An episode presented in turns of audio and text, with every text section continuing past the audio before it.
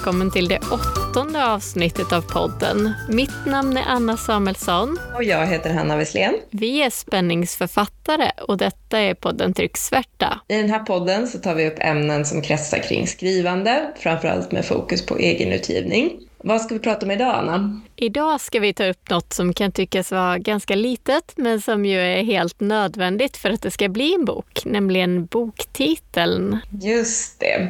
Hur hittar man den och hur kan man tänka och sådär. Och vi ska också ta upp det här med kapitelrubriker, för det är ju väldigt olika hur författare väljer att göra där. Precis, och detta är ju något man kan känna prestationsångest över, för titeln syns ju utåt överallt och det är verkligen inte lätt att hitta en unik passande och intresseväckande titel. Men verkligen, jag, jag befinner mig just nu i det stadiet och vi, vi kan ju komma in på det lite senare. Eh, men jag, jag, jag, håller verkligen med om vad du sa där. Vi kan väl köra en liten uppdatering först. Ja, det gör vi. Vill du börja berätta, Hanna, om vad som hänt hos dig sen sist med skrivande och annat? Ja, det har ju varit påsk och lite grejer sen sist. Och eh, under påskhelgen och vid skollov och sådär så är det ju mycket annat roligt som händer också. Ja, det är ju det. Har du hunnit med något skrivande också eller har det bara varit fokus på annat? Ja, nej men lite både och. Jag kan väl säga att jag nu officiellt har lämnat eh, råmanusstadiet och är fullt inne i redigeringen av manuset och det är så roligt. Eh, vi fick ju ett tips där inför förra redigeringsavsnittet att det är bra att låta manuset vila emellan. Att man eh, skriver råmanus och att man börjar redigera. Och eh, det har jag väl delvis gjort, men inte superlänge. Nej, det är svårt. Men jättekul att du kommit så långt. Eh, vad har du gjort under den här perioden då när du låtit manuset vila? Ja, det har ju som sagt inte varit en jättelång period då, men jag har passat på att göra en del research eh, som jag har upptäckt under, under tidens gång att jag behöver. Och så har jag friskat upp minnet lite med eh, bland annat med Sissel Myrups bok eh, Steg för steg till ett perfekt manus och jag har kollat i Story Engineering av Larry Brooks också. Mm. Mm, och så läser jag några böcker om Nepal och om läkemedelsindustrin också. Aha, spännande! Ja, bland annat en väldigt spännande bok som, som passar perfekt för konceptet i mitt manus eh, med läkemedelsindustrin och eh, organiserad brottslighet och maffiametoder. Oj, det låter intressant. Du du är bra på att läsa faktaböcker och tidningar och annat som är en del av din research. Där har jag nog lite att lära. ja, det vet jag inte. Det kanske är lite som en ursäkt för mig för att grotta ner mig i saker. Men jag tycker, jag tycker det ger mycket faktiskt. Eh, och jag blev så glad när jag hittade den här boken. Den heter dödliga mediciner och organiserad brottslighet. Jag hittade den, Oj. Ja, jag hittade den av en slump på biblioteket och jag tyckte den passade perfekt in i, handlingen på manuset och ja, hämta inspiration ifrån ja. Kul! Och sen så har jag ju då printat manuset och läst hela på papper som vi pratade om förra gången också. Så det, ja, det har varit väldigt trevligt men mycket toppar och dalar kan man väl säga. Ena stunden så känner jag att det är spännande och bra men nästa stund så känns det helt plötsligt banalt och eh, värdelöst. Mm, det där är nog en del av processen. Mm, ja, det är väl det. Och för väldigt många. Ja, absolut. Jag vet ju att jag har känt så här tidigare och jag har ju förstått att andra också känner så. Så att det är en del av processen helt enkelt. Mm. Du var ju iväg också på marknad. Ja, just det. Jag har ju varit på en marknad och sålt böcker också. Eh, Hornstulls marknad på premiärdagen, första april. Förra lördagen. Just det, vad kul. Ja. Hur var det då? Ja, det var svinkallt. Eh, och jag höll på att frysa, frysa fingrarna av mig. Men det var ändå otroligt tur med vädret. För det var strålande sol hela dagen och mycket folk som var ute och gick och rörde sig där. Ah. Men, men det var väldigt roligt. Jag träffade en hel del trevliga människor som, eh, ja, men som ville prata om min bok och om skrivande och annat. Och eh, sålde en hel del böcker också faktiskt. Fler än vad jag än vad jag hade förväntat. Jag hade satt förväntningarna ganska lågt i och för sig. ja, men vad roligt. Ja, så det, det kommer jag definitivt ge en chans till någon gång under sommaren när det är lite varmare kanske. Men jag kan tänka mig att det är en bra aktivitet, att man kommer nära läsarna och så. Mm, mm, ja, men absolut. Det var, det var över förväntan tycker jag. Hur har det varit hos dig då? Eh, min bok finns nu på Gamla Stans deckarbokhandel. Ägaren har läst den nu och uppenbarligen tyckte han om den och att den passade in i sortimentet. Så jag har skickat några böcker dit. Åh, gud vad roligt. Det är ju en fantastisk bokhandel så ja, verkligen kul att de har tagit in ja. den. Stort grattis till det. Eh, nästa gång jag är i närheten ska jag gå in och kolla och ta en bild på den.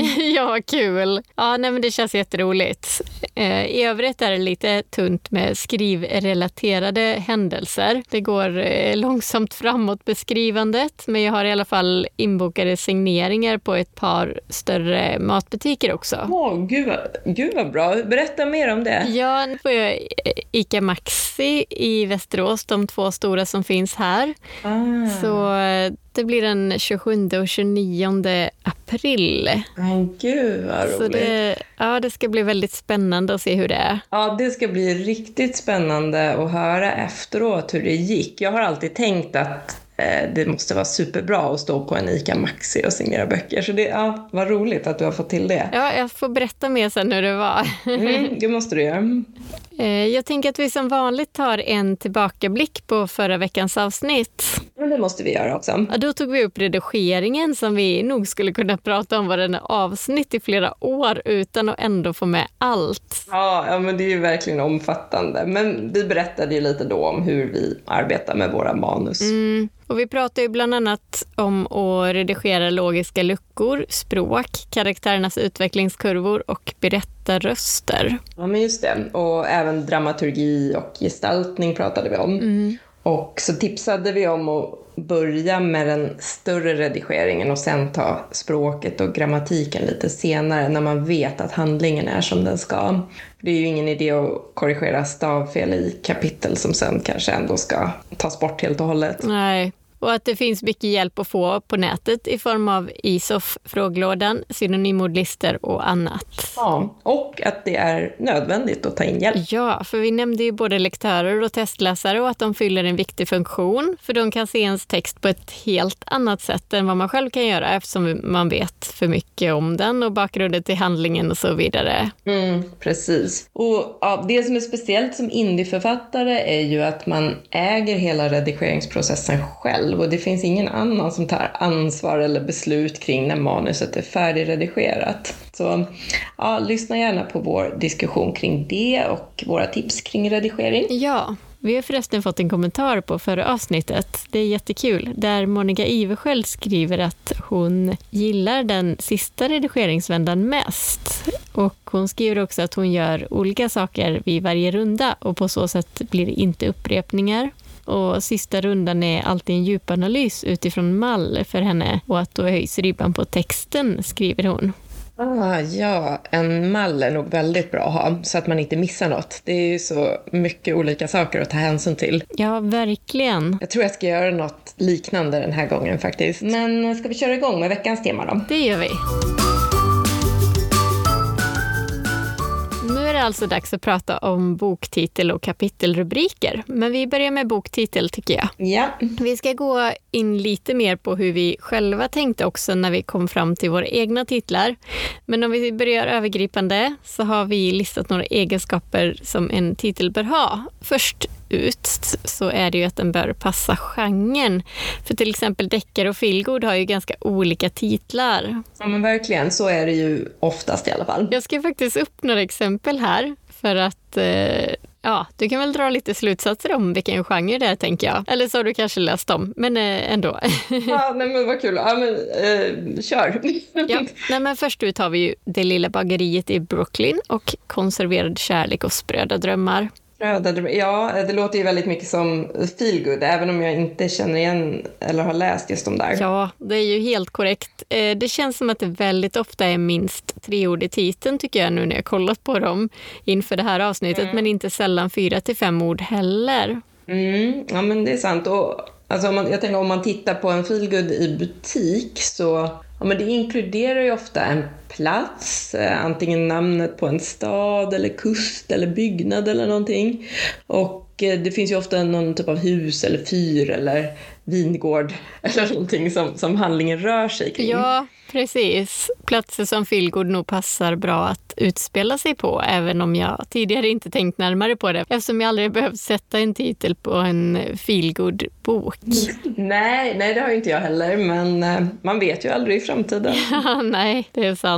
Och om vi tar en annan genre så har vi till exempel Fallet med det mystiska godismonstret och Himlacirkusen. Det låter ju ganska uppenbart att det handlar om eh, barnböcker. Ja, och jag har personligen inte tänkt förrän jag kollar inför det här avsnittet då att även barnbokstitlar ofta är ganska långa. Nu var väl den sistnämnda där ett undantag, men ändå. Jag har inte heller reflekterat så mycket över barnbokstitlar eftersom jag inte har skrivit någon barnbok. Men jag läser ju väldigt mycket barnböcker med barnen. Eller ja, med den yngsta i alla fall som fortfarande vill läsa med mm. mig. Och faktiskt så har vi börjat skriva på en barnbok tillsammans han och jag. Han tycker att det är så spännande att jag har skrivit en bok så att nu vill han också göra det. Men gud vad kul! Det där måste vi prata mer om i ett annat avsnitt tycker jag. Ja, ja men det är jätteroligt faktiskt. Det kan vi göra. Absolut. Jättespännande. Tänkte vi skulle avsluta det här med några eh, deckartitlar. Nu sa jag vad det var, men eh, då har vi Den omänsklige respektive Syndabocken. Ja, jo, men det, det hör man ju vad det är för någonting. Och och eh, det känns ändå som att det varierar lite mer när det gäller deckare. Det finns dels de här väldigt korta titlarna med bara ett ord, till exempel den du nämnde nu, eller jag tänker på Botgöraren av Viveka Sten som vi nämnde i omslagsavsnittet också, som jag tycker är snygg. Mm. Men eh, det finns ju undantag också som tvärtom är väldigt långa. Ja, det är de. Och det kanske går lite mod i det där också. Eller vad tror du? Ja, men det, det, tror jag nog att det kan göra. Man blir ju inspirerad när man tittar på andra. Och just nu har jag mest tänkt på att många böcker har bara ett ord i titeln. Och det känns som att det nästan är viktigare att det är ett ord som skapar intresse än att det faktiskt har så jättemycket med handlingen att göra. Särskilt i, i spänningsromaner och deckare, tänker jag. Ja, och det är ju i och för sig ett av syftena, eller det största syftet kanske med titeln, att den ska vara intresseväckande. Mm. Har du något bra exempel där? Ja, nej men jag fortsätter lite på den här Vivica Sten-serien då. Jag Dal, Dalskuggan, en annan av de böckerna som jag läste nyligen. Eh, bra bok, eh, bra titel tycker jag och snyggt omslag. Eh, men jag tycker egentligen inte att titeln säger jättemycket om boken eller vad den handlar om. Ja, men jag håller med om det du säger. Det är en fin titel men jag skulle inte veta vad jag kan förvänta mig av innehållet. Nej, nej men precis. Du då? Jag satt och funderade, läste faktiskt lite på onlinebokhandlarna innan vi spelade in det här. Och Malin Stens titel Lycka till tycker jag om. Det hörs verkligen att det inte kommer gå så bra för karaktärerna. Nej, men jag håller med. Lite ironi där. ja, och jag har inte läst den, även om den står på min lista. Jag har däremot börjat lyssna på hennes bok Ett gott nytt år, som också har en lite ironisk titel på samma sätt. Så det är väldigt smart och jag gillar det. Och dessutom är det korta och koncisa titlar och lätt att komma ihåg. Mm, men absolut, och de känns ju som att de hänger ihop lite på något sätt fast de inte är ja, lika. Ja, men verkligen. Mycket lyckat titelval tycker jag. Sen såg jag också eh, en bok i flödet som heter Sweet Dreams Öxnehaga. Och det är väldigt stora kontraster mellan engelskan och sen det typiskt svenska. Eh, och så det är också väldigt fyndigt. Ja, verkligen. Det Öxnehaga låter ju väldigt ja. svenskt. Jag har inte, jag har inte sett den, eh, det omslaget faktiskt. Nej, och jag har inte läst boken, men jag, ja, det är väldigt fyndigt. Mm. Sen tycker jag egentligen det är lustigt vad man föredrar, för jag gillar personligen korta titlar på omslaget för jag tycker det blir snyggare och det blir ofta grafiskt mer stilrent. Men att långa titlar kan vara mer intresseväckande. Ja, absolut. Men, men jag, jag, jag gillar också korta titlar. Det är, det är så här snyggt på något sätt. Mm. Ja, man får liksom med mer av handlingen då. Så om jag bara läser titeln utan att se omslaget skulle ju en längre titel få mig mer intresserad av boken. Ja, jag håller, håller med och håller inte med. Jag vet inte riktigt. Men eh, det får, det får inte, för min del får den inte vara för lång och krånglig liksom, så att det blir svårt att uttala. Då föredrar jag nog nästan en kort eh, titel och någon typ av undertitel eller så. Ja, jag har försökt hitta en lång titel på en bok som exempel. Och en av de mer kända är väl Hundraåringen som klev ut genom ett fönster och försvann av Jonas Jonasson. Och det finns säkert längre än så också. Jag har inte hittat någon, men ändå. Ja, den är ju extremt lång och samtidigt funkar ju den så himla bra på något ja, sätt. uppenbarligen gör den ju det, trots att den består av eh, nio ord. Mm. Sen har vi extremen åt andra hållet och det är X av Pascal Engman. Det är en grymt bra bok för övrigt. Ja, just det. Det är alltså bara en enkel bokstav, bokstaven X. Ja. Ja, och ja, jag har sett den. Den verkar ju superspännande. Det verkar ju ändå funka också, ha bara en bokstav. Kul ändå. Ja, verkligen. Förresten, det är en bok som jag inte har läst än. Det är en deckare som skymtade förbi flödet som heter Parmiddagen. Den kanske du har läst? Nej, men den verkar spännande. Man anar ju att den här middagen inte gick som planerat. Nej, det tror inte jag heller. Eh, det låter i alla fall som någon slags eh, psykologisk thriller eller eh, deckare eller annat. Men med sån här krypande obehagskänsla och absolut en titel som jag skulle välja att läsa. Men då har jag också sett omslaget på och vet att det är någon typ av spänningsroman. Mm, men där är du inne på något tror jag. Mm, för om en romancebok hade haft samma namn så skulle jag däremot kanske inte välja att läsa just den i första hand just för att jag inte generellt läser romance. Men eh, någon som inte läser spänningsböcker skulle kanske inte välja den om, om de vetat att det var just en spänningsroman. Så de kanske skulle kopplat ihop ordet med något trevligt istället. Vilket det kanske oftast också förknippas med. Ja, nej men precis. Det här är väl lite det vi var inne på tänker jag när vi pratade om bokomslag för några avsnitt sen. Enbart titeln ger ju inte alltid tillräckligt med information faktiskt för att avgöra hur boken är och vilken genre den tillhör. Men boktitel plus omslag, det måste tillsammans förmedla den bilden, tänker jag. Ja, det är ju ofta så. Och jag vet inte riktigt vart jag vill komma med detta, men kanske att det måste vara intresseväckande i rätt genre eller att man får hoppas att läsaren får veta vilken typ av bok det är och inte bara se boken i lista med text, för då blir det svårt. För då kanske man förväntar sig något helt annat beroende på vilken genre man läser. Ja, men just det. Precis. Och jag tänkte på det här också att en titel inte får vara svår att uttala eller läsa, för du var ju inne på det lite lite innan. Nej, just det. Jag tycker det blir störande på något sätt och då tappar man, tappar man intresset lite grann.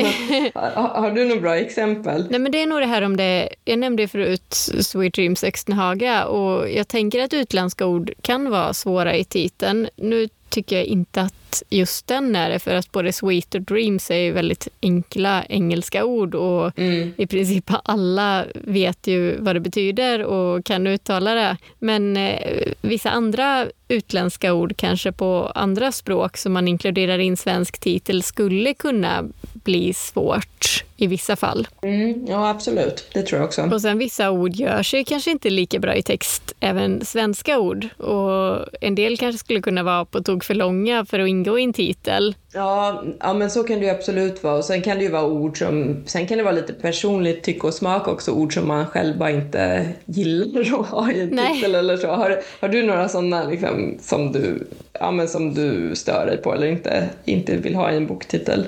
Nå, det kanske är en sån där sak som man oftast tänker på först när man ser den, att det, det där ordet passade faktiskt inte så bra. Det kan ju vara så. Jag, jag brukar nog mer jag, jag, kanske mer kommer ihåg de titlar som jag tycker om än de som jag inte tycker om. De lägger jag väl förmodligen inte på minnet. Men, Nej, det är nog samma här. ja, precis. Men, men hur ska man då göra för att hitta sin boktitel? Vad, vad tycker du? Det är väldigt bra att brainstorma tycker jag. Om du till exempel vill ha med namnet på någon i boken eller en plats, typ av miljö eller om du vill ha någon mer diffus titel som evighetens sång eller vad ska jag hitta på? ja, ja, men precis. Man, eh, man kan ju ha delar av ett ordspråk eller ett vanligt eller ovanligt uttryck. Eller kanske helt enkelt så kan man ha något föremål eller någon sån här MacGuffin som förekommer i boken. Ja, det finns också boktitelsgeneratorer på nätet, fler som passar för engelska språket förstås, men ändå.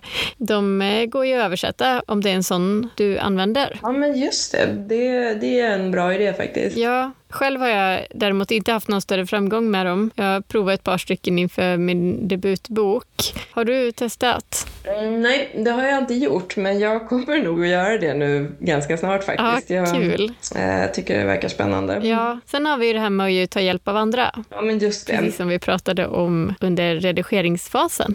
Ja, det är ett stående, stående tips egentligen eh, Ja. när det gäller mycket i skrivandet. Men, ja, men det är ju superbra att ta hjälp av externa personer, precis som i testläsningen. Och det kan ju vara vänner eller eh, bekantskapskretsen på sociala medier eller vad som helst. Man kan lägga fram ett par olika, eller upp, kanske upp till fem olika förslag och fråga vad andra gillar bäst och varför. Sen tänker jag också att man kan provläsa titeln högt några gånger också för att säkerställa att den är enkel att uttala så att det inte blir sådär som vi, som vi sa att det inte är bra. ifall man, inte, ifall man liksom inte kan uttala den eller om man hakar upp sig på något sätt. Och det kan ju också vara jobbigt om man skulle välja en titel som man själv har svårt att säga när man ska prata om boken sen så vill man ju gärna att det ska flyta bra. Ja, det är bra tips. Och sen om du nu ger ut på ett traditionellt förlag så har de ju säkert åsikter och bra tankar om vilka titlar som funkar och inte. Då behöver du kanske inte lägga en veckas heltidsjobb på att komma på en själv. Nej, men precis. Och jag vet inte, kanske även hybridförlag kan hjälpa till med boktitel. Det vet jag faktiskt inte. Nej, jag har inte heller koll på det. Men det ska du ju inte fråga dem om man ger ut där eller genom någon slags utgivningstjänst. Mm, ja, men precis. Jag kan tänka mig utgivningstjänsterna har nog sällan åsikter om titeln. Nej, men kanske inte. man kan ju alltid fråga. Ja, sen har vi detta med undertitlar som du nämnde förut. Och det känns som det ofta finns med på just fackböcker, men där behöver man ju specificera på ett annat sätt för att läsaren ska kunna hitta rätt. Ja men verkligen. Om, om en bok heter bara ekonomi till exempel så är det ju omöjligt för läsaren att veta vad det handlar om. Om det handlar om privatekonomi eller bokföring eller något helt annat. Ja, Och en sån bok skulle kanske inte få lika många läsare och kanske framförallt fel läsare, kanske inte rätt personer som hittar boken. ja, säkert. Och en bok om fotografering skulle ju nå helt olika läsargrupper om den hade undertiteln em, 10 tips för nybörjaren jämfört med hur du fotograferar mikro med egenbyggda linser eller något annat. Så i fackbokssammanhang är ju undertitel ofta nödvändigt. Absolut. Jag tänker att det kanske, jag har ju all, inte skrivit någon fackbok, men jag tänker att jag undrar om det är lättare att komma på titel till en fackbok än till en roman. Det känns lite så. Det gör det verkligen, för att det är vad man skriver om, det är ju titeln. Ja, exakt. Så det blir mer liksom konkret. Ja, sen är ju annat som man kan tänka på förresten, det är ju sökbarheten på titeln. För jag läste en artikel som vi kanske också kan länka till för övrigt från Svensk Bokhandel, där det skrevs om en bok med endast bokstaven A som titel. Mm, Okej, ja, jag kan tänka mig vad, vad problemet blir Ja, eh, där. den då blir helt omöjlig att söka fram för det fanns ju otroligt många andra böcker som också började på A. Ja, det är ju också en aspekt. Det blir ju ett väldigt stort problem om inte folk kan Ja. hitta boken. Ja, och det är ju en annan sak med Pascal Engmans bok som vi pratade om innan, för hur många böcker på X finns det? Sen tror jag inte att det normalt sett är ett problem, men artikelförfattaren skrev också om någon titel som inkluderar punkter och att det då också blir svårt med sökbarheten. Mm, men just det, det är också något att ha i bakhuvudet kanske när man ska hitta sin titel. Mm. Hur gjorde du för att hitta titeln till din första bok, Hanna? Och hur gick tankarna? Ja, jag tyckte det var jättesvårt. Eh, jag hade ett antal arbetsnamn, jag kommer inte ens ihåg alla, men under ganska lång tid så hette den en spricka i fasaden. Mm. Och eh, det är ju lite dubbel betydelse i titeln eftersom det dels faktiskt är en fysisk spricka i en fasad där någonting gömmer sig, men framför allt att det är ja, men lite metaforiskt menat då med en spricka i en fin fasad. Mm. Ja, det är intressant. Titlar som är dubbeltydiga, det gillar jag. Det är inte så lätt att komma på sådana. Nej, nej men precis. Jag, eh, det, det var väl lite det som gjorde att jag landade i den titeln. Nu blev det ju inte en spricka i fasaden utan sprickan i fasaden. Ja, ja. Eh, och ett, ett tag funderade jag på bara fasaden också, men det som fick mig att ta bort ordet en, eh, det var att faktiskt att omslagsdesignen tyckte att det skulle se snyggare ut på omslaget och jag höll med om det. Och när jag kände lite på det så tyckte jag bättre om det också. Och eh, även lektören och några andra som jag frågade tyckte också att det var en bra idé att, att ha det i, liksom, i bestämd form istället. Ah, ja, men jag håller absolut med, för en är ju bara ett av alla små ord som ibland är överflödiga. Så jag tycker också bättre om sprickan i fasaden. Ja. du då, hur gjorde du? Jag körde på brainstorming. Jag skrev upp kanske 20 titlar.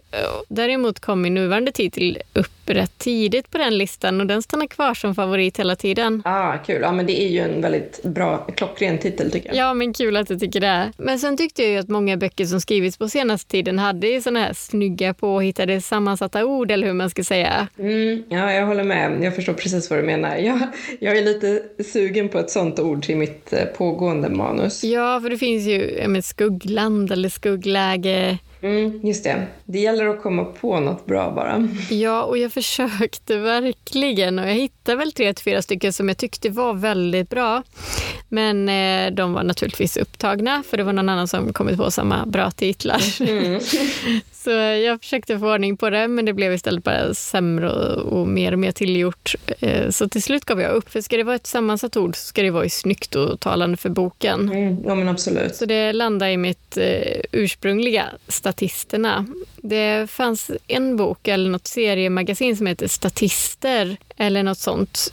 En annan form av ordet men ingen som heter likadant och som man kan blanda ihop den med. Nej, och det är ju huvudsaken. Mm. Eh, det finns en del intressanta artiklar faktiskt från bland annat Boktugg och eh, Författarförbundet kring det här med boktitlar och om man får ha exakt samma titel som en annan bok etc.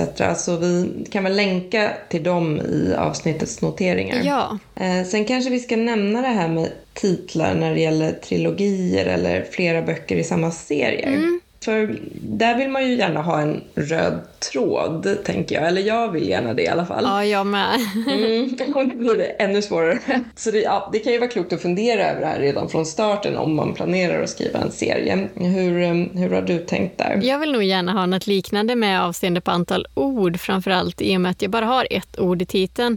Och jag vet inte om jag klarar av det, för det är ju många titlar med ett ord som redan är upptagna. Mm, jag kan tänka mig det. Och sen vill jag gärna ha bestämd form av ordet i och med att statisterna är bestämd form. Mm, jo, det är ytterligare en aspekt. Det spontant känns ju snyggast kanske. Ja. Har du dina titlar färdiga för kommande böcker? Oh, nej, I wish.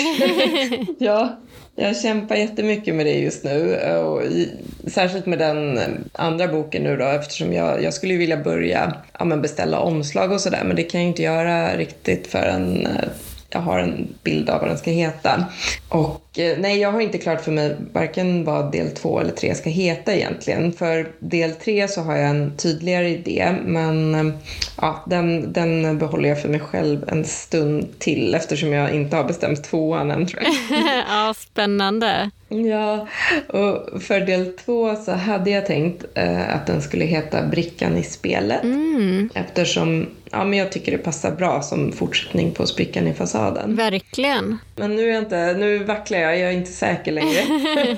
um, jag vet inte om jag gillar den längre. Så jag, ja, jag funderar lite på Rhododendron-kontraktet eller Bergsblomman eller någonting sånt också. Ah, annars gillar jag Brickan i spelet också. Mm. För den passar så bra ihop med Sprickan i fasaden. Samtidigt kanske det blir jättesvårt att få ihop en titel till tredje boken på samma tema då. Ja, det är nästan det som, som skrämmer mig mest med med den titeln faktiskt. För att, för att då, då, blir det ju verkligen, då har man ju verkligen liksom låst in sig lite grann i formen, eller vad man ska säga. Ja.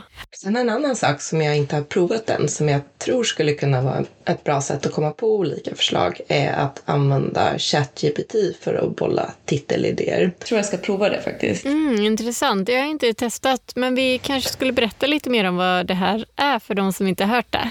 Ja, absolut. Det pratas ju väldigt mycket om det här just nu, men jag har faktiskt aldrig provat att använda ChatGPT än. Det är alltså en AI-modell man kan chatta med och den har utvecklats av eh, OpenAI och släpptes i november 2022 tror jag. Och sen släpptes det en ny version nu i mars också Eh, som tydligen är väldigt kraftfull. Men den är bara med i betalprogrammet än så länge, medan den förra versionen då är, är gratis att använda. Och nu är alltså i början av april 2023 och sånt här ändras ju väldigt snabbt. Men man kan alltså använda den här för att ställa frågor eller be den skriva texter eller komma upp med idéer och det som är lite speciellt och som jag förstår och smart det är ju att det är i dialogform. Så man kan be den korrigera saker eller hänvisa tillbaka till saker i dialogen och då kommer den ihåg det. Jag hörde om någon som använder den till exempel till att komma på titelrubriker till en fackbok till exempel jag tänker att det är en superbra metod för att komma på idéer som man kan utveckla och spinna vidare på själv sen.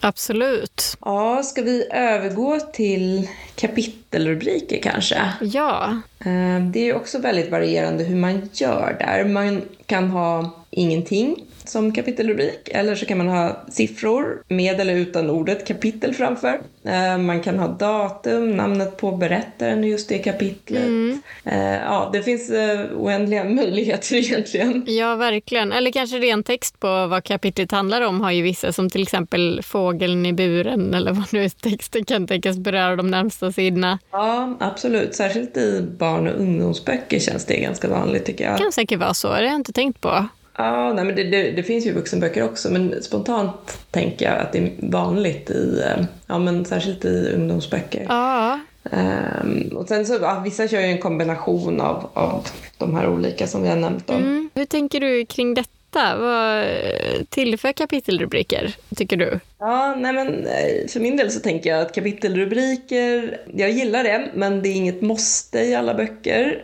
Eh, jag tycker det kan bidra till att sätta scenen på något sätt. Ja, jag tycker också det bidrar till att identifiera vad kapitlet handlar om eller vem det handlar om och när den utspelar sig. Ja, men det är ju inte så att jag nödvändigtvis saknar det om det inte finns. Det beror lite på boken också. Mm. Och Ehm, om det är en rak kronologisk ordning och bara ett berättarperspektiv till exempel så finns det ju verkligen mindre behov av kapitelrubriker, tänker jag. Jag håller med. Hur resonerar du när det gäller kapitelrubriker i din bok och hur blir det i slutändan? Mm.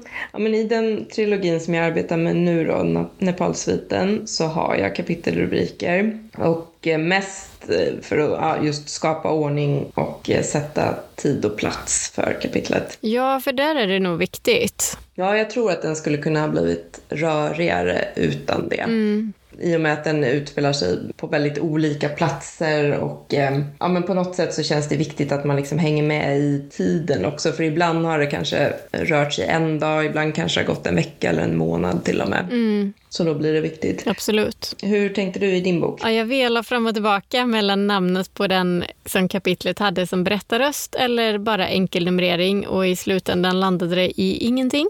Just det. det är väldigt tydligt i första eller andra meningen i varje kapitel i statisterna då, vem det handlar om just där. Så jag tyckte nog att det var lite överflödigt, men jag hade ju ändå kunnat ta med det förstås. Det spelar nog helt enkelt ingen roll där. Nej, jag håller helt med. Jag saknade det inte alls när jag läste din bok. Jag tänkte inte ens på det. det är bra. Då funkar det. Absolut. Sen tänker jag att eh, jag väljer likadant i nästa i alla fall. Så alla böckerna i trilogin ser likadana ut med avseende på kapitelrubriker. Möjligen att jag ändå har äh, siffror på dem. Men lite som vi resonerar kring boktitel, att det ska se likadant ut för att vara enhetligt. Mm. Men hur ser dina planer ut för bok två och tre? Ja, nej, men så har jag också tänkt. Jag fortsätter med samma uppbyggnad nu i bok två. Mm. Jag tänker det är bra att läsaren känner igen sig hyfsat jämfört med första boken. Ja, jag tror det också. Men eh, nu är det nog dags att börja knyta ihop det här, eller vad säger du? Ja, men det gör vi. Vad är ditt bästa tips när det gäller boktitel, Hanna? Ja, um, jag skulle nog säga att uh, försöka hitta på ett antal kandidater till namn tidigt så att man har gott om tid på sig att känna in vilket som passar bäst. Mm. Jag började redan för något år sedan, om inte mer, att fundera på titeln till den, den, boken jag arbetar med nu. Och eh, ja, det är ju fortfarande inte klart, som ni hör.